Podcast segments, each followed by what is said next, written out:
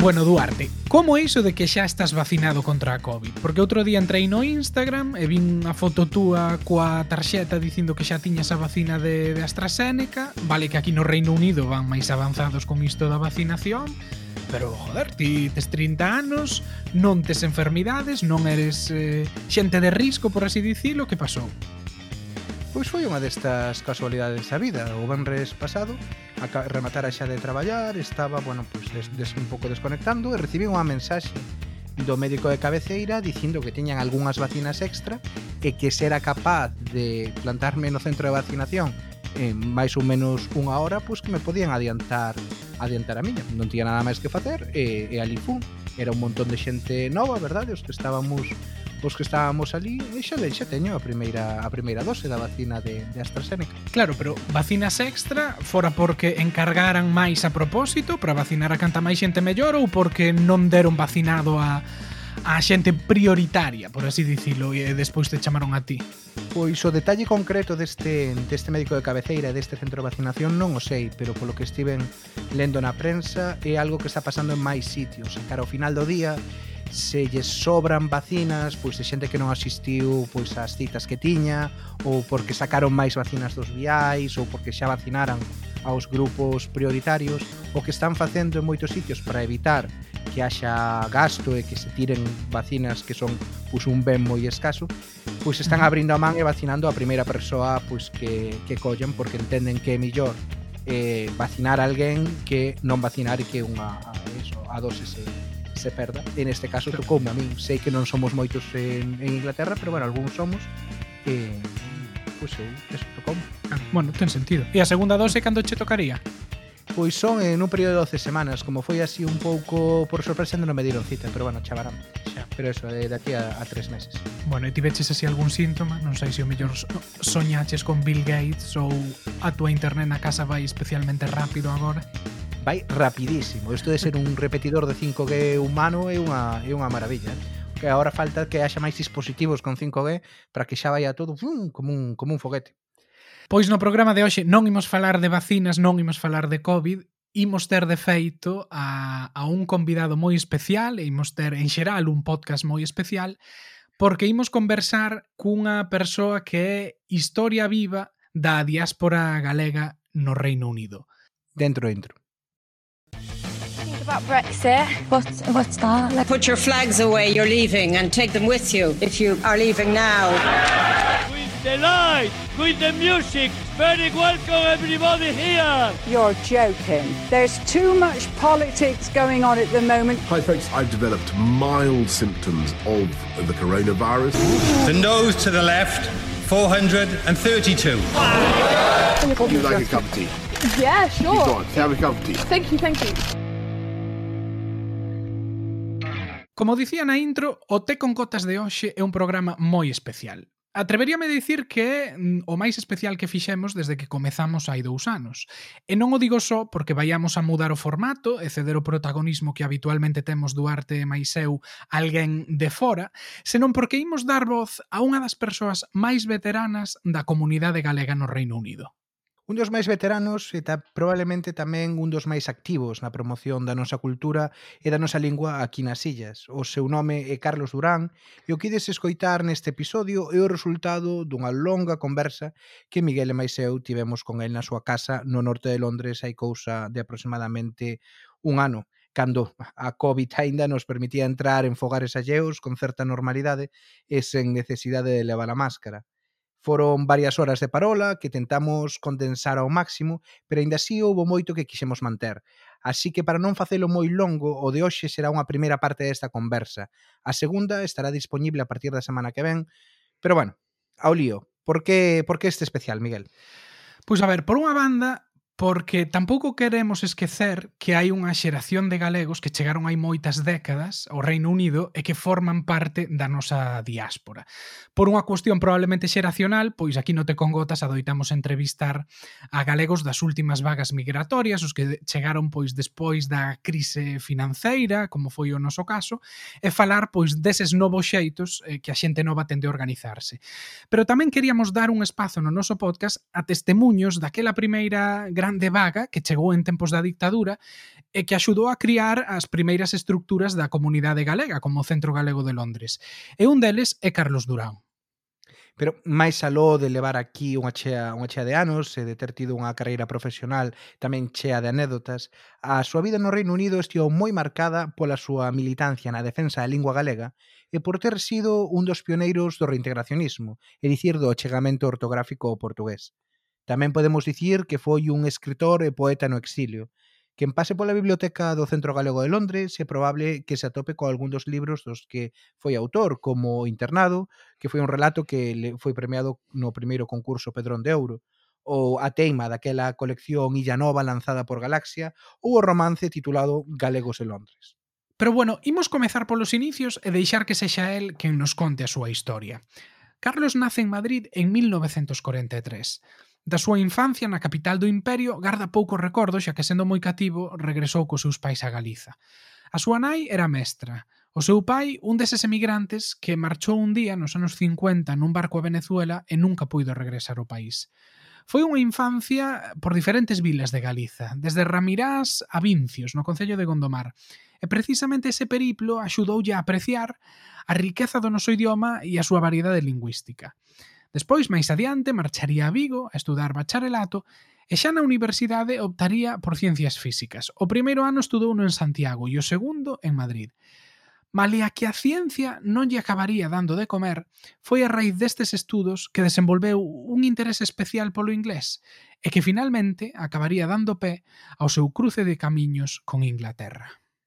En Santiago empecé a estudar ciencias, ciencias físicas.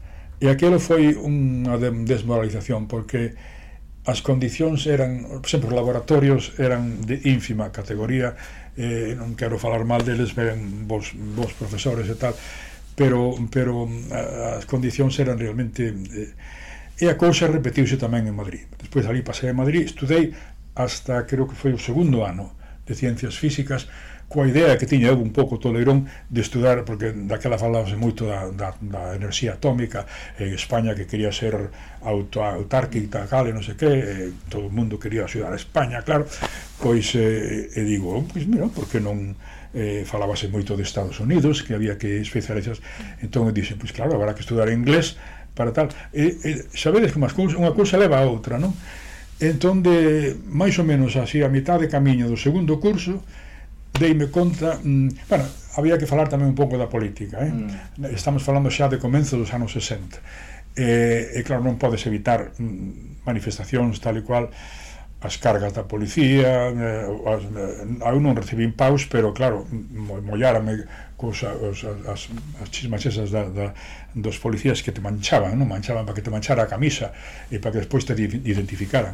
En fin, foi un pouco unhas algaradas, pero, en fin, algúns acabaron na cadea, eh, pero pouco, aínda comezaba a cousa, non era como máis tarde, non? Son Madrid ou en Santiago? En Madrid, en Madrid, en Madrid xa.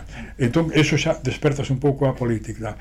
Ti tiñas, eh, perdón que te interrompa, sí. xa tiñas algo de conciencia política antes de ir a Madrid? Antes de, antes de, Madrid, antes de ir a Madrid, mm, unha pouca, moi, moi pouca, porque lembro, por exemplo, o primeiro ano de voltar de Madrid a, a, a, a Galiza, as, as primeiras vacacións, ferias, eh, eu falaba co Crego dali eh, eh lembro estas palabras. Caramba, Carlos, vienes hecho un gallegazo porque de repente comecei a falar galego. Daquela, claro, digamos que era un galego claro, consideramos galego paleofalante pero daquela era, digamos, galego recipiente non? Falaba cando era necesario e se non era necesario, pois non na, na, na cura tamén falaba español desde o púlpito e tal, pero despois xa mm, eu empecé a falar eh, eh, en galego e tal. Efectivamente, foi, foi ali, sí.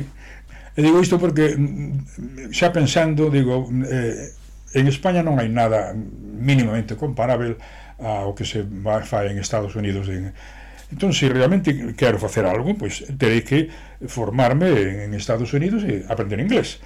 Entón, por sorte, dábase ben. Eu xa sabía, xa sabía un pouco de inglés antes.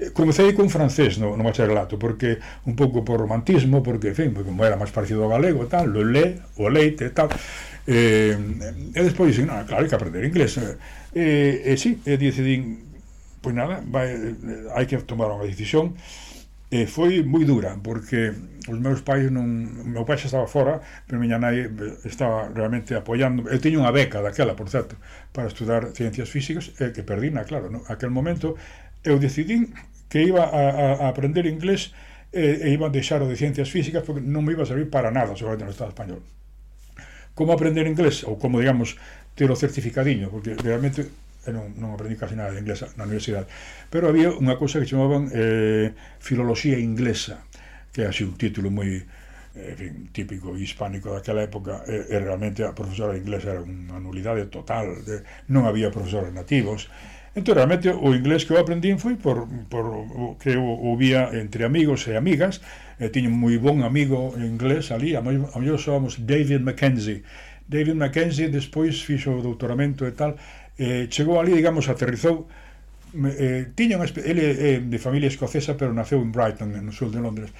E non sei por que un grupo de nós eh, en Madrid, este, Eh, eh, amistamos con el, eh, eh, fixemos obras de teatro, tal e cual, e el despois convidámoslo para casa, e el despois convidoume a, a súa casa aquí en, en Brighton, no sul, no sul de Londres, que estaba dicendo, eh, eh en fin, que eh, estábamos xa no, no, no, na, na parte máis inglesa, non? Eh, e fixen os primeiros anos de... porque puden conmutar os dos primeiros anos que eran comuns a partir do que xa tiña feito en ciencias físicas. Entón quedábame tres, e deses tres fixen unha ali nada máis e os outros dos últimos tiña unha opción que foi o que me trouxe a este país ou ben ir a Estados Unidos ou ben ir a Inglaterra digamos para perfeccionar o idioma non? entón como custear ese, esa estancia pois eh, eh, dando clases mm, do punto de vista oficial había unha, unha cousa que chaman Teacher Exchange Program, non sei que, que ven sendo un equivalente en parte, en parte só ao que chaman hoxe Erasmus Program, non? Era parecido. Entón, eh, tiña esa opción, ou Estados Unidos ou Inglaterra. Eu tamén por romanticismo europeo, Inglaterra máis to máis, máis perto a casa. E caín nunha, un sitio moi bonito que se chama Wood Green, non sei se vos no, no norte de Londres, e a, e a mí tocaba dar clase de español nunha, nunha aula dunha profesora inglesa, e eu, digamos, era o reforzo. Realmente foi o que máis tra traballaba era eu, pero eh, a min tamén me serví moito para seguir aprendendo inglés e tamén para coñecer moito da, da vida británica, que realmente cando máis aprendeu do, do, do ser inglés porque hai moi boa xente en Inglaterra, hai moitos fillos da puta, importante tamén, pero hai moita, moita boa xente eh, e tal.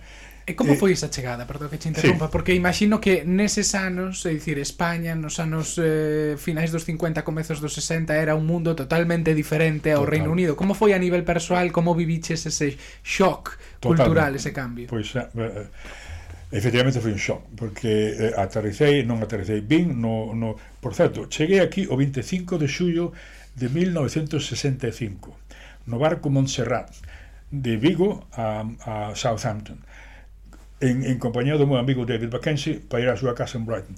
Entón, cando eh, desembarquei ali, pois o primeiro que me fixeron foi ir á policía, claro. Tes que, como foreigner, no? Eh, a pesar de que non había Brexit ni nada, pois claro, eres, eres un estranxeiro. E, e dábame unha cartilla que chamaban eh, Green Card, Certificate of, um, of Residence ou algo así despois de todo iso e estampar aquelo e tal e, e, e de, decir que, en fin, claro, pode ficar durante un ano neste país en tanto non sexa unha carga para o Estado británico bla, bla, bla, Okay. despois fun con o meu amigo, collemos o tren de Southampton a Brighton que son, aí son unhas millas E claro, o primeiro, non só, pero a primeira diferencia, claro, o, o tren totalmente diferente, os cheiros totalmente diferentes, e, e logo a campiña, vas, vas no tren vendo Este, por exemplo, eh, cricket. Non lembro se era fin, eh, fin de semana, non sería o 25 de xullo era festivo en Galicia, eh, eh, non non en, en, en aquí, pero pero a mellor eh, eh, eh cadraba que era fin de semana. En fin, había o vin os, os de, de, de eh, o cricket, que o meu, o meu amigo tamén era moi forofo do cricket, e alá aterrizamos, digamos, en Brighton. Eh, chamamos eh, a rúa Lower Rock Gardens, eh, que está casi perto dunha en, en Brighton hai unhas, ou había, que ahora xa eh, eh están ruinosas, había eses pies que chamaban, onde, que eran uns sitios de xogo, sobre, sobre todo, non? Eh, o, o meu amigo, para facer un pouco de cartas, traballaba un pouco ali, e levou-me comigo. O avó del, porque era a casa do, dos avós del, e aí pescar, por exemplo, non? Eh, estivera en España, eh, quería moito a España, pero falaba un poquinho de español, claro, con un acentado tremendo. Dicía, por exemplo, dicía que ia a, ao mercado a, a, a mercar unha dúcia de ovos. Dicía un dosino de juivos en fin, era moi morata e ali pasei, pois, un, non sei un mes ou así sería porque dali pasei xa a Londres ao meu destino ese. Pois sí, unha, unha vida totalmente diferente. Xa comezas a ouvir falar dos exilados políticos porque non lembro se xa ali coñecín algún pero xa eh, eh xa alguén me falou dun, porque ven un, un rapaz que viña de España de moto, me parece, e tiña un familiar aquí, xa non lembro, en fin. So, foi sobre todo en Londres onde comecei a, a relacionarme máis. Pero, sí, unha vida, pois, eh, e para mí máis políticamente, claro, que puderas falar o que quixeras en todas partes, que puderas ir ou non ir a este sitio ou a outro sitio, non ter que dar conta a ninguén, excepto, eso sí, a política, registrate, porque de cada sitio que ías en Brighton, outra vez o selo en, en, en, eh, en Londres outra vez o selo en Londres o que fixeron foi darme eh, eh, esa, esa tal Wood Green Grammar School eh, os, um, a, a, a señora que daba inglés chamábase Mrs. Ariza. Ariza era, ela estaba casada con un español. Ariza é un nome español. Entón, ela contactou con un, un outro un, dos profesores ali para que me arranxara, polo menos, mentre non tiña orientación, un sitio onde pudera, mm, eh, en fin, estar, viver, comer, beber, e había unha familia moi simpática, dous vellotes eh, que, que non tiñan fillos, mellorito, tiñan un fillo adoptado que emigrara para o Canadá, e casi me, medio me adotaran a min, e estaba moi perto do máis da escola, eran uns, pasei ali uns anos, uns, non anos, senón meses, non me lembro se foron os tres primeiros, polo menos hasta o Natal, ali. Eh, eh, e claro, pois tamén era moi bonito, era, era eh, contado con televisión inglesa, por exemplo, a pesar de que as tiñan solo en branco e preto, eh, e que, por certo, non, non lles gostaba que vise algún programa máis ou menos crítico. Pois había un programa que se chamaba Up the Junction, que era crítico, con, socialmente crítico, moi forte e o vellote non lle gustaba. Pero, en fin, pero era, eran moi, moi, moi boa xente. E despois xa dixérome con boas palabras mira, nós moito gosto estamos aquí ofrecemos isto, pero é mellor que busques tal. Efectivamente, despois para despois do Natal busquei outro sitio e xa tiven digues, como dicen ali, unha fonda eh, este, particular, que era tamén outra familia, pero xa en plan de, en fin, de unha especie de bed and breakfast ali, non? E ali estiven, pois creo que non sei se os seguintes dous anos ou así, porque despois recunquei, ou seja, a, a idea esta, o Erasmus este era estar un ano e voltar. Eu dixen para mí, ah, que fago en Madrid?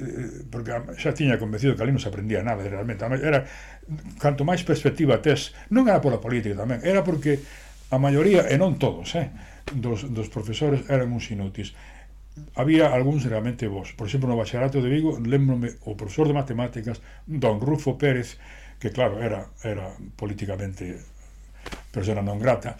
E na, na carreira, pois, eh, realmente non, non lembro así ninguén que me fixera eh, impresión.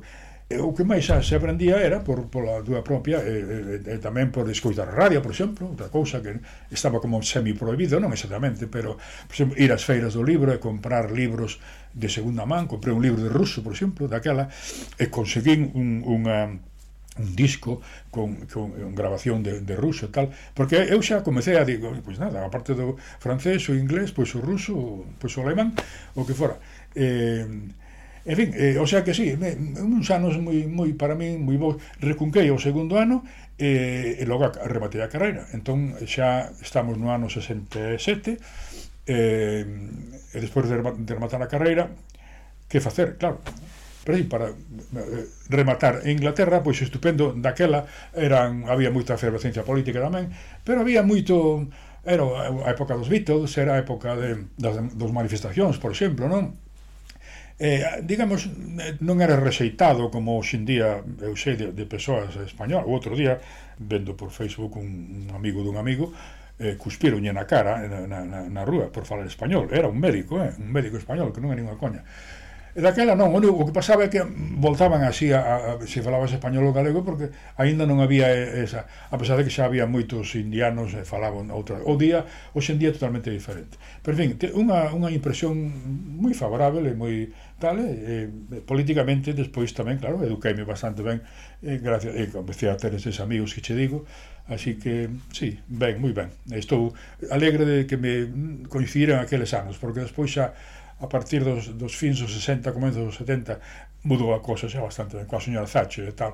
Claro, e entón chega ese momento onde tens que decidir que facer. Sí, pois pues iso, como, exactamente. Como afrontaches iso? Claro, pois daquela xa, eh, en fin, eu era, digamos, namorado da, da que foi despois a miña muller Pía, e eu, claro, quería rematar a carreira, mm, eh, eh, unhas asignaturas parvas, porque ademais, digo, parvas, por exemplo, sinasia, religión, non é que quera falar de má religión, pero é as, as típicas asignaturas que un suspendía, e claro, tiñas que despois botalas en setembro, tal. O sea que ao final, cando, cando rematei, eh, ou estaba a rematar, eh, pero estaba en Madrid xa, pois Pía, eh, pola súa conta, decidiu, eh, xa falaba un pouco de español, pois que matriculouse nun curso de español en Madrid, e ela descendeu en Madrid e tal, e, e despois xa estaba vendo a cousa o que a final tira que decidir, porque a idea era rematar a carreira e ser profesor de español en, en España.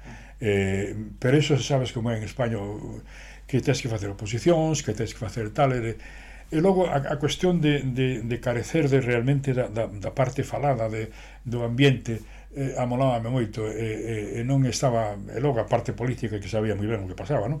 Tiña que ter moito cuidado. Pois eh, decidimos os dous de alguma maneira que polo menos botar, digamos, un cuarto de espadas e, e vir a Inglaterra. Entón, casamos, e xa, pois, en fin, com, comezamos a ter fillos, os tres que temos, eh, xa chegamos, un, si queres, o ano 68, que son o ano realmente duro das, das manifestacións e tal, e eu tive a sorte de que en parte por, por amizades galeguistas, en parte pola familia de Pía, pois, eh, digamos que aterricei na BBC de Londres, eh, a BBC de Londres pues, tiña unha emisión para España e outra para América Latina en español, non? E a española era mm, había dúas emisións, unha a mediodía e outra a noite. E, claro, querían locutores eh, eh, que tivesen un mínimo de formación, naturalmente, que, eh, por suposto, que soubesen ben inglés, pero que soubesen eh, eh, facer eh, un, un, un resumo de prensa e así, non? E, eu fixe unhas mini oposicións, digamos, e conseguín unha, un posto non fixo na BBC de Londres na, eh, eh, eran este, esas emisións xa digo, de, a mediodía e a noite era bastante incómodo porque tiña que, a pasada que o metro era barato, tiña que ir e vir, non? Eh, e isto, pois, non sei, se foi un ano ou, ou dous anos ou así, que estiven así, E, e, e para min foi tamén abrir os ollos moito a parte política, non? Porque eh, lembro entrevistar, por exemplo, a exilados políticos, un tal este Luis Portillo Pérez, que por certo, despois un fillo del, el casou con unha escocesa, Michael Portillo, cora, Michael Portillo por exemplo, non? Pois, eh, despois tamén coincidín con el no segundo traballo que, que, que tiven, pero despois eh, falo del. Eh, e, e outros tamén, e, e, claro, e ingleses tamén, había un tal Hills, por exemplo, George Hills, que estivera na guerra ali e tal, e tamén tiña amigos e que entrevistaba, e estaban bailando a dos aguas, claro, querían ser amigos de Franco por unha parte, por outra parte, parte claro, pois eh, eh, políticamente pois eh, sabían que eh, cando morrese Franco aquilo tiña que que mudar e tal.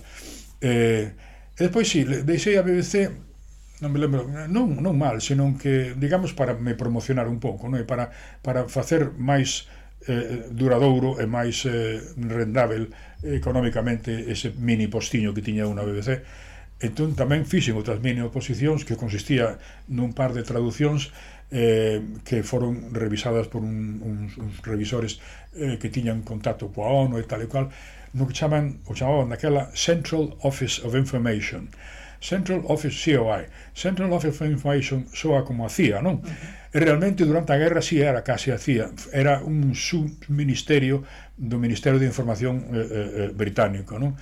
Pero daquela, cando eu entrei ali, no ano, creo que xa foi 70, xa non era iso, era simplemente unha unha rama este pouco política máis máis económica eh, de Inglaterra. Entón eh, facíamos sobre todo traduccións de eh, eh, panfletos, non no, no mal sentido da palabra, senón información sobre o Estado británico, sobre as, a, a, as institucións británicas, eh, o Parlamento, a monarquía e tal. Ese tipo de, de, de cousiñas que poñen nas, eh, nas eh, salas de espera non das dos consulados e tal, pois eso traducíamoslo todo nós, eh, e incluso había algunhas sobre Xuraltar e tal, que facíamos un pouco de coña. Pero, en fin, ben, eh, eh, e ali, pois, eh, eh, eu traballei xa, xa, xa era un posto fixo, Eh, isto xa era os, así como a BBC era no que chaman Bush House que era na, na parte céntrica de Londres eh, eh, creo que era o metro de Charing Cross ou así a, o outro de, de eh, COI era o metro de eh, non sei se Westminster ou eh, non Blackfriars, era, era no sul de Londres xa. E ali tamén, claro, entras en contacto con xente, sobre todo política, e xera, eh, aparte deste Michael eh, eh, de Luis Portillo que, ta, que o recoñecín, digamos, ali coñecín a outro político exilado eh, anarquista José, José García Pradas eh, que despois se fixe moi, moi amigo, fixémonos moi amigos os dous, a pesar de que eran non, os anarquistas moita anarquía, pero non comulgaban coa idea das, das linguas en España. Uf. Eh, pero, en fin, fixemos moi amigos. E, ademais, cadrou de que eu estaba mesa por mesa, en fin, tiña así a mesa por diante, ele estaba ela así, eu, eu aquí, e a, a, o SIOAE daquela, aínda non tiñan as grabacións, porque despois a, en outros eh, cando pasei a outros departamentos xa tiñan grabacións e mecanógrafas. Ali non, tiñas que mecanografar ti as cousas e logo a mecanógrafa remecanografiaba todo eso e logo facían eh, tiñamos que corrixir e a veces que tiñamos que mellor que falar polo microfone, pero normalmente era, era só eh, tal. E daba moito para falar, claro. Eh, sobre todo a mediodía comíamos xuntos, había ali un chiringuito eh, onde italiano, onde eh, había pois eh, en fin, steak and chips, ese tipo de cousas e tomábamos un lunch bastante longo, con café e tal, como éramos vos traductores, digamos, pois facíamos un pouco a vista agora. O noso xefe era un británico que se chamaba Pickering. Mr. Pickering era un, un tamén tiña memorias da guerra, é un dos uh, ingleses que fora que baixara en paracaídas para Yugoslavia. Eh, Inglaterra, como boa eh, eh andaban apoiando a, a un lado e ao outro, non? en, en Yugoslavia había dous tipos de, de opositores aos nazis unha era um, os, os monar monárquicos monarquistas e outra eran os, os de Tito non? e este foi paraxutado digamos ali e con outros e logo falábamos un pouco disso e tal e, en fin, e logo o tal José García Pradas pois este foi un dos um, que tuvo que salir en España no, na guerra civil ao final de todo, de todo os anarquistas, a CNT, como sabedes, non, non querían participar no goberno, non? Pero, pero despois Federica Monseñe e outros e tal razoaron que, que, en fin, que tiñan que, de alguma maneira, porque senón perdían a guerra, tal. E José García Pradas pois digamos que mínimamente si sí, participou naquel goberno da o que hai que facer memoria este o general Miaja creo que era non? Eh, xa era o final da guerra non? e, e xa es, o, o, o goberno da República xa había vira as cousas e xa se autoexilara un pouco para Valencia. Mm. E José García Pradas e algúns outros ficou en Madrid. E, e contaba anécdotas pois, interesantísimas, claro, pero eh, por exemplo, eh, eh estaba na, na redacción de, do xornal La Tierra, creo que era, da CNT, eh, a meia noite, pois, cando acababa a, na redacción, e ia dali para a súa casa, polo medio de Madrid, tiña que ir coa pistola desembañada, e non polos franquistas, precisamente. Isto para, para polos comunistas, sobre todo. Comunistas e os, os anarquistas levábanse a morte. De feito, houve tiroteos e tal. Eh, en fin, e ao final, claro, tamén el tivo que se autosilar. Saiu por Valencia, mellor dito, por un pouco máis abaixo de Valencia, pe, onde o recolleron uns destructores británicos. E, entón, claro, pois era, digamos, refugiado político e claro, non, a mellor ao principio si pensaba que voltaría, de feito, ao, ao pasar os anos non, non, non voltaba. A máis, viu a guerra eh, europea, eh, claro, pois tiña que subir de alguma maneira, montou con uns amigos un restaurante, eh, casou cunha británica, e tal. Pois, en fin, este era un dos meus compañeros ali, e, eh, eh, claro, parte da miña educación política tamén, pero despois xa pasamos a outros anos e a outras a outras a, instancias políticas. Isto era a principios dos 70. O seu contacto coa comunidade galega no Reino Unido tardaría algo máis en chegar. Máis adiante entraría en contacto con algúns galeguistas de Londres por intermediación dunha figura central naquela altura para moitos mozos comprometidos coa causa da lingua galega, Ramón Piñeiro. Daqueles contactos, co tempo xurdiría o Grupo de Traballo Galego de Londres, que era unha asociación de galeguistas que desde a capital británica pois editaban un boletín que distribuían por correo con algunhas reflexións sobre o ensino galego e sobre a situación cultural e política de Galicia, algo así como un newsletter dos anos 70. Deste grupo saiu, por exemplo, un plan pedagóxico para o ensino en galego que publicaron xa no ano 71 eh, durante o franquismo na revista Grial.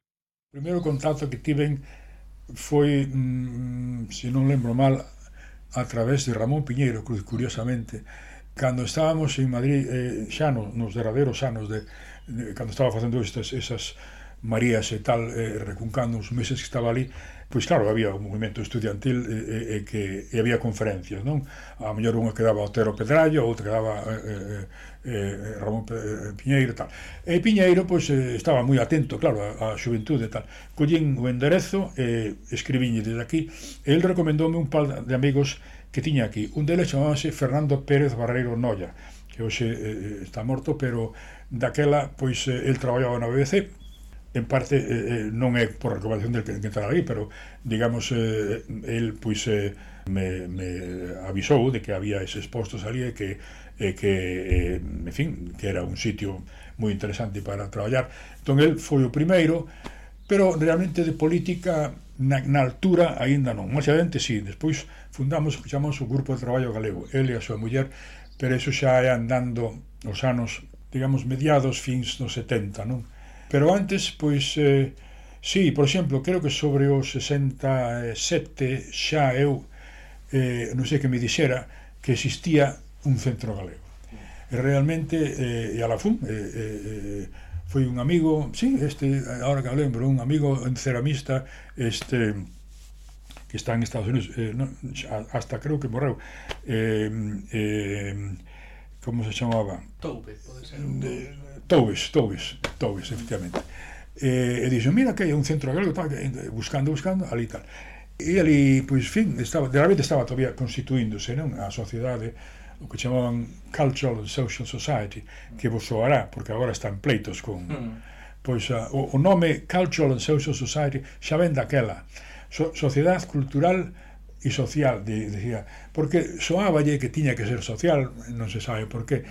Entón, sí, pois, eh, eh, algunhas veces eh, de, baixei por ali e tal, e falei, e había moi pouca política, porque había que, um, en fin, había um, tratar de facer socios, non? Tratar de facer... Eh, xa pouco a pouco comenzamos a facer o Día das Letras Galegas e, e tal. Pero eso xa, xa digo, xa eh, eh, máis adiante andar. Entón, xa pasando os anos, sí, mediados dos 70 ou así, eh, ou quizá antes, fundamos o tal grupo de traballo galego, foi na casa do Fernando Pérez Barreiro, a súa muller Lili, que se chamaba eh, Teresa Barro, Toubes, eh, Fernando Pérez Gasalla, que era eh, cerami... non, non era ceramista, era pintor, e morreu tamén, e quizá algún outro, ah, unha rapaza que, que eh, non, a muller del, precisamente. En fin, digamos, uns cuantos eh, eh, politizados, sobre todo os Pérez Barrera e máis eu tal. E o que facíamos era unha, unha, un boletín anulticopista, non? Como, como facedes vos agora, coa pequena mínima información que tiñamos a, a man, porque non había internet ni nada deso, pero había, digamos, a, había pois eh, auricular de, de amigos e tal, e, e moita máis información da que había en España, naturalmente. Entón, facíamos este boletín, eu tiña algúns contactos en Galicia xa, a parte de Piñeiro e compañía, eh, políticamente podíamos estar eh, en desacordo, pero había moitos contactos, había, sobre todo moitos mestres, moitos profesores de sino primario, eh, xa entramos nos anos, creo que foi 71, se non me trabuco, cando a primeira lei do ensino permitiu un mínimo de ensino en linguas chamadas vernáculas, pois vasco, catalán e galego. Entón nós pensamos, os Barreiro máis eu, que que boa idea sería demandarlle ese boletín aos mestres que coñecíamos, non? Sobre todo, máis, a parte, pola miña máis sabía que había moitas, moitos mestres e, e mestres novos que estaban tamén un coarello un pouco a ver o que pasaba por aí por o mundo adiante, entón. E, entón, eso, como multicopista, facíamos un boletín de dúas, tres, catro follas, imprimíamoslo e tal, pois a multicopista, e pagábamos o, o noso peto, naturalmente, e logo, coas eh, enderezos que tiñamos, pois mandábamos, non? E logo comezamos a ter pois un, un, unha mínima correspondencia e, e non somente de Galicia, por exemplo, de Portugal, xa Loguiño comezou Rodríguez Lapa a interesarse porque tamén por, con, por Piñeiro, non? Pero Rodríguez Lapa enseguida cheirou que había tamén un, algo interesante, non? E que había xente nova, sobre todo, que quería estar en contacto.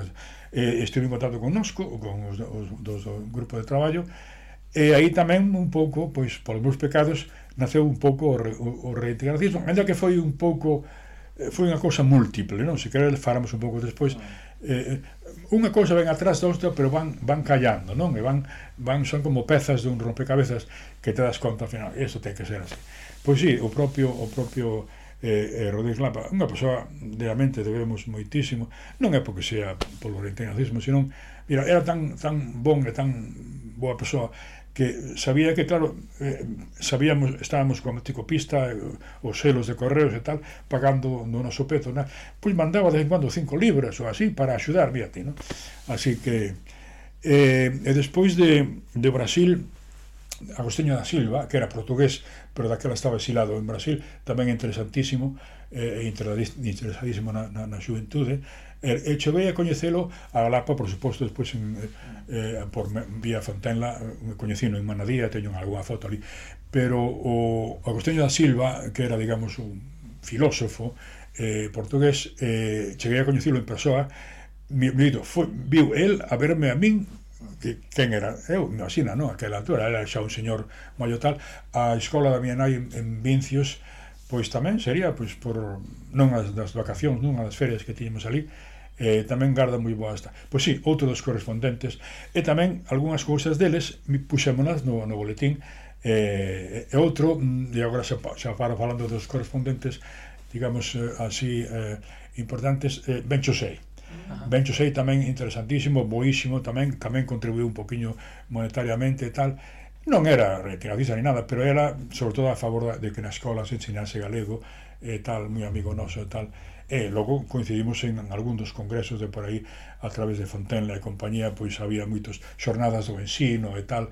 En fin, eso xa é o principio dos boletíns, despois xa eu saín por outros motivos das circunstancias.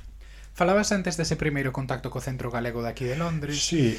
Eh, xa sabes que, especialmente durante as últimas décadas, xa ven entrada na democracia os centros galegos, non só aquí, sino sí, no sí, resto sí. do mundo, sempre, sí. bueno, teñen esa idea de un control político por parte do Partido Popular, especialmente.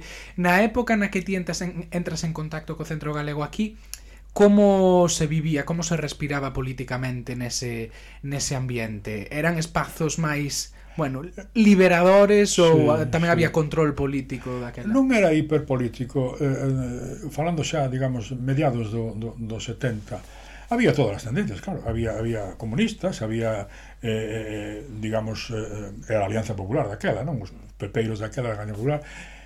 Pero realmente no exilio, como dicía Castelao e decía ben, eh, eh, no exilio mm, eh, convén eh, unir forzas e non insistir nas diferencias, non? Eh, eh, eh, e apoiarse mutuamente no que é posible.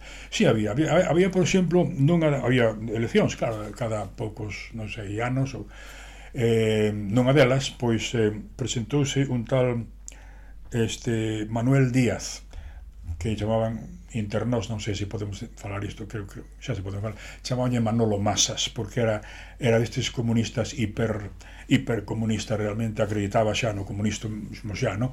E, e, eu dicía, pero home, non, e, eu xa daquela xa daquela, traballando no, no Siobai, eh, debeu ser polo ano mediados eh, 75 ou 76 callou, eu estaba estudando ruso xa, digamos, en serio, non? Xa o sabía bastante ben en Londres, non?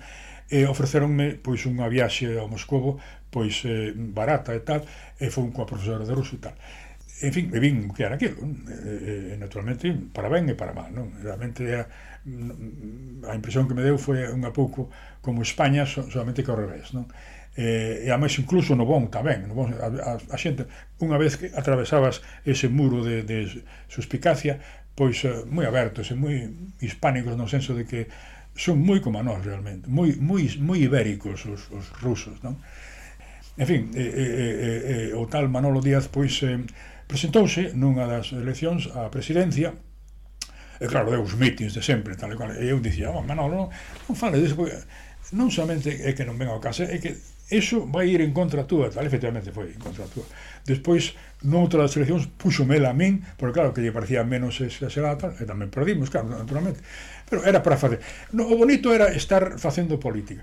Para, pola parte que decíamos de AP, porque daquela era AP. Sí había xente de AP e tal, pero mm, eh, daquela ainda non había su, subvencións e, e ainda eh, estábamos todos sobrevivindo como podíamos co, cos cartos eh, propios había o, o status de charity non lembro se o tiñamos porque creo que non o tiñamos aínda porque tiven eu que traducir as, as, a, a, os estatutos non?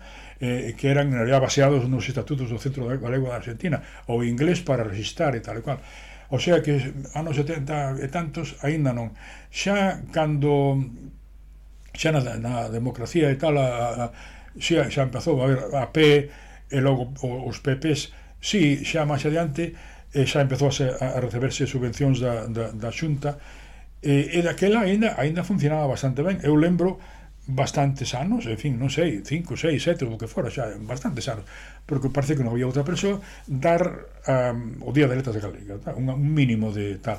Conseguín traer algún, alguna outra persoa aquí, viu o propio eh, este David Mackenzie, que estaba en Oxford daquela, e falou en galego ali, tal, trouxen A Piñero non o trouxen, pero ah, a Isaac uh, Alonso Estravís, por exemplo, trouxeno, hasta creo que estuvo do, dúas veces, estuvo na miña, miña casa tamén, unha das letras galegas, e algún que outro, Cunqueiro, o Cunqueiro tamén, e algún que outro.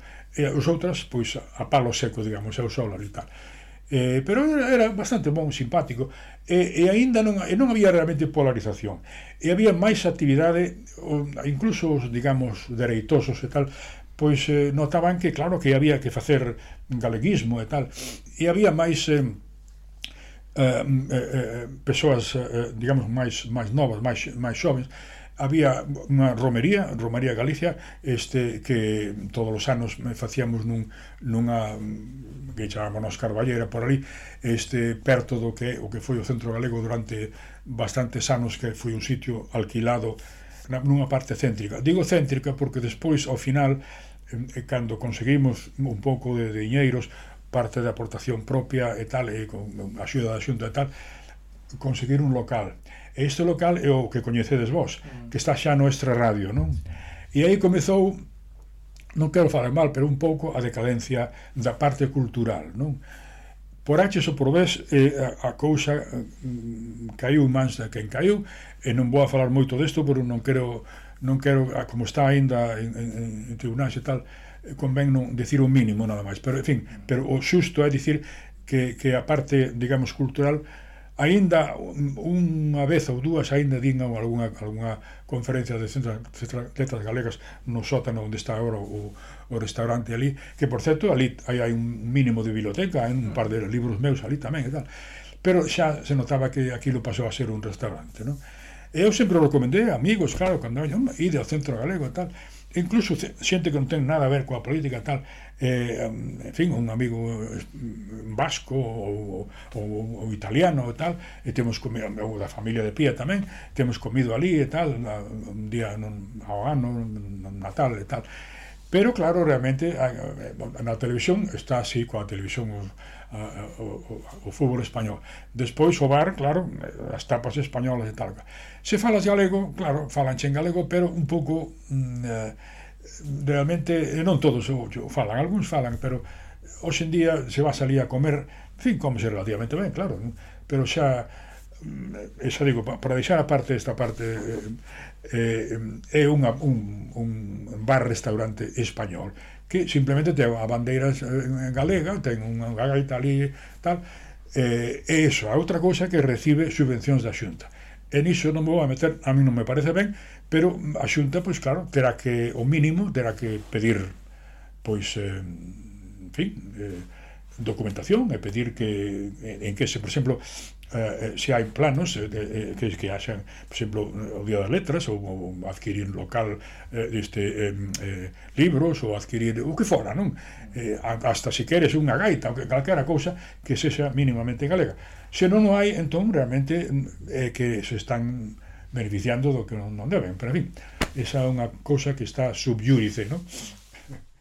Pois até aquí esta primeira parte da conversa con Carlos Durán. A partir da semana que ven sacaremos a segunda parte na que falaremos doutras vivencias ou outras partes da vida de Carlos que incluen o seu primeiro contacto co reintegracionismo, as súas visións sobre a lingua galega e unha serie de anécdotas que, bueno, creemos son moi interesantes sobre como a súa casa se convertiu un pouco nun punto de encontro ou nunha parada obrigatoria para galeguistas ou activistas pola lingua ou polos eh, dereitos nacionais de Galicia que chegaban en algún momento a Londres. Pero bueno, para iso teredes que agardar unha semana entre mentres podedes vos suscribir ao noso newsletter, podedes atopar todo o noso arquivo de podcast tanto en Spotify, en iVoox, en Apple Podcast, en Google Podcast ou en calquera plataforma que utilicedes para, para escoitarnos e, eh, como sempre, lembrarvos que se queredes axudar a financiar este proxecto temos un Patreon, patreon.com barra tecongotas, onde podedes eh, establecer unha suscripción mensual regular e, e ao mesmo tempo acceder a contido en exclusiva. En calquera caso, vémonos a semana que ven.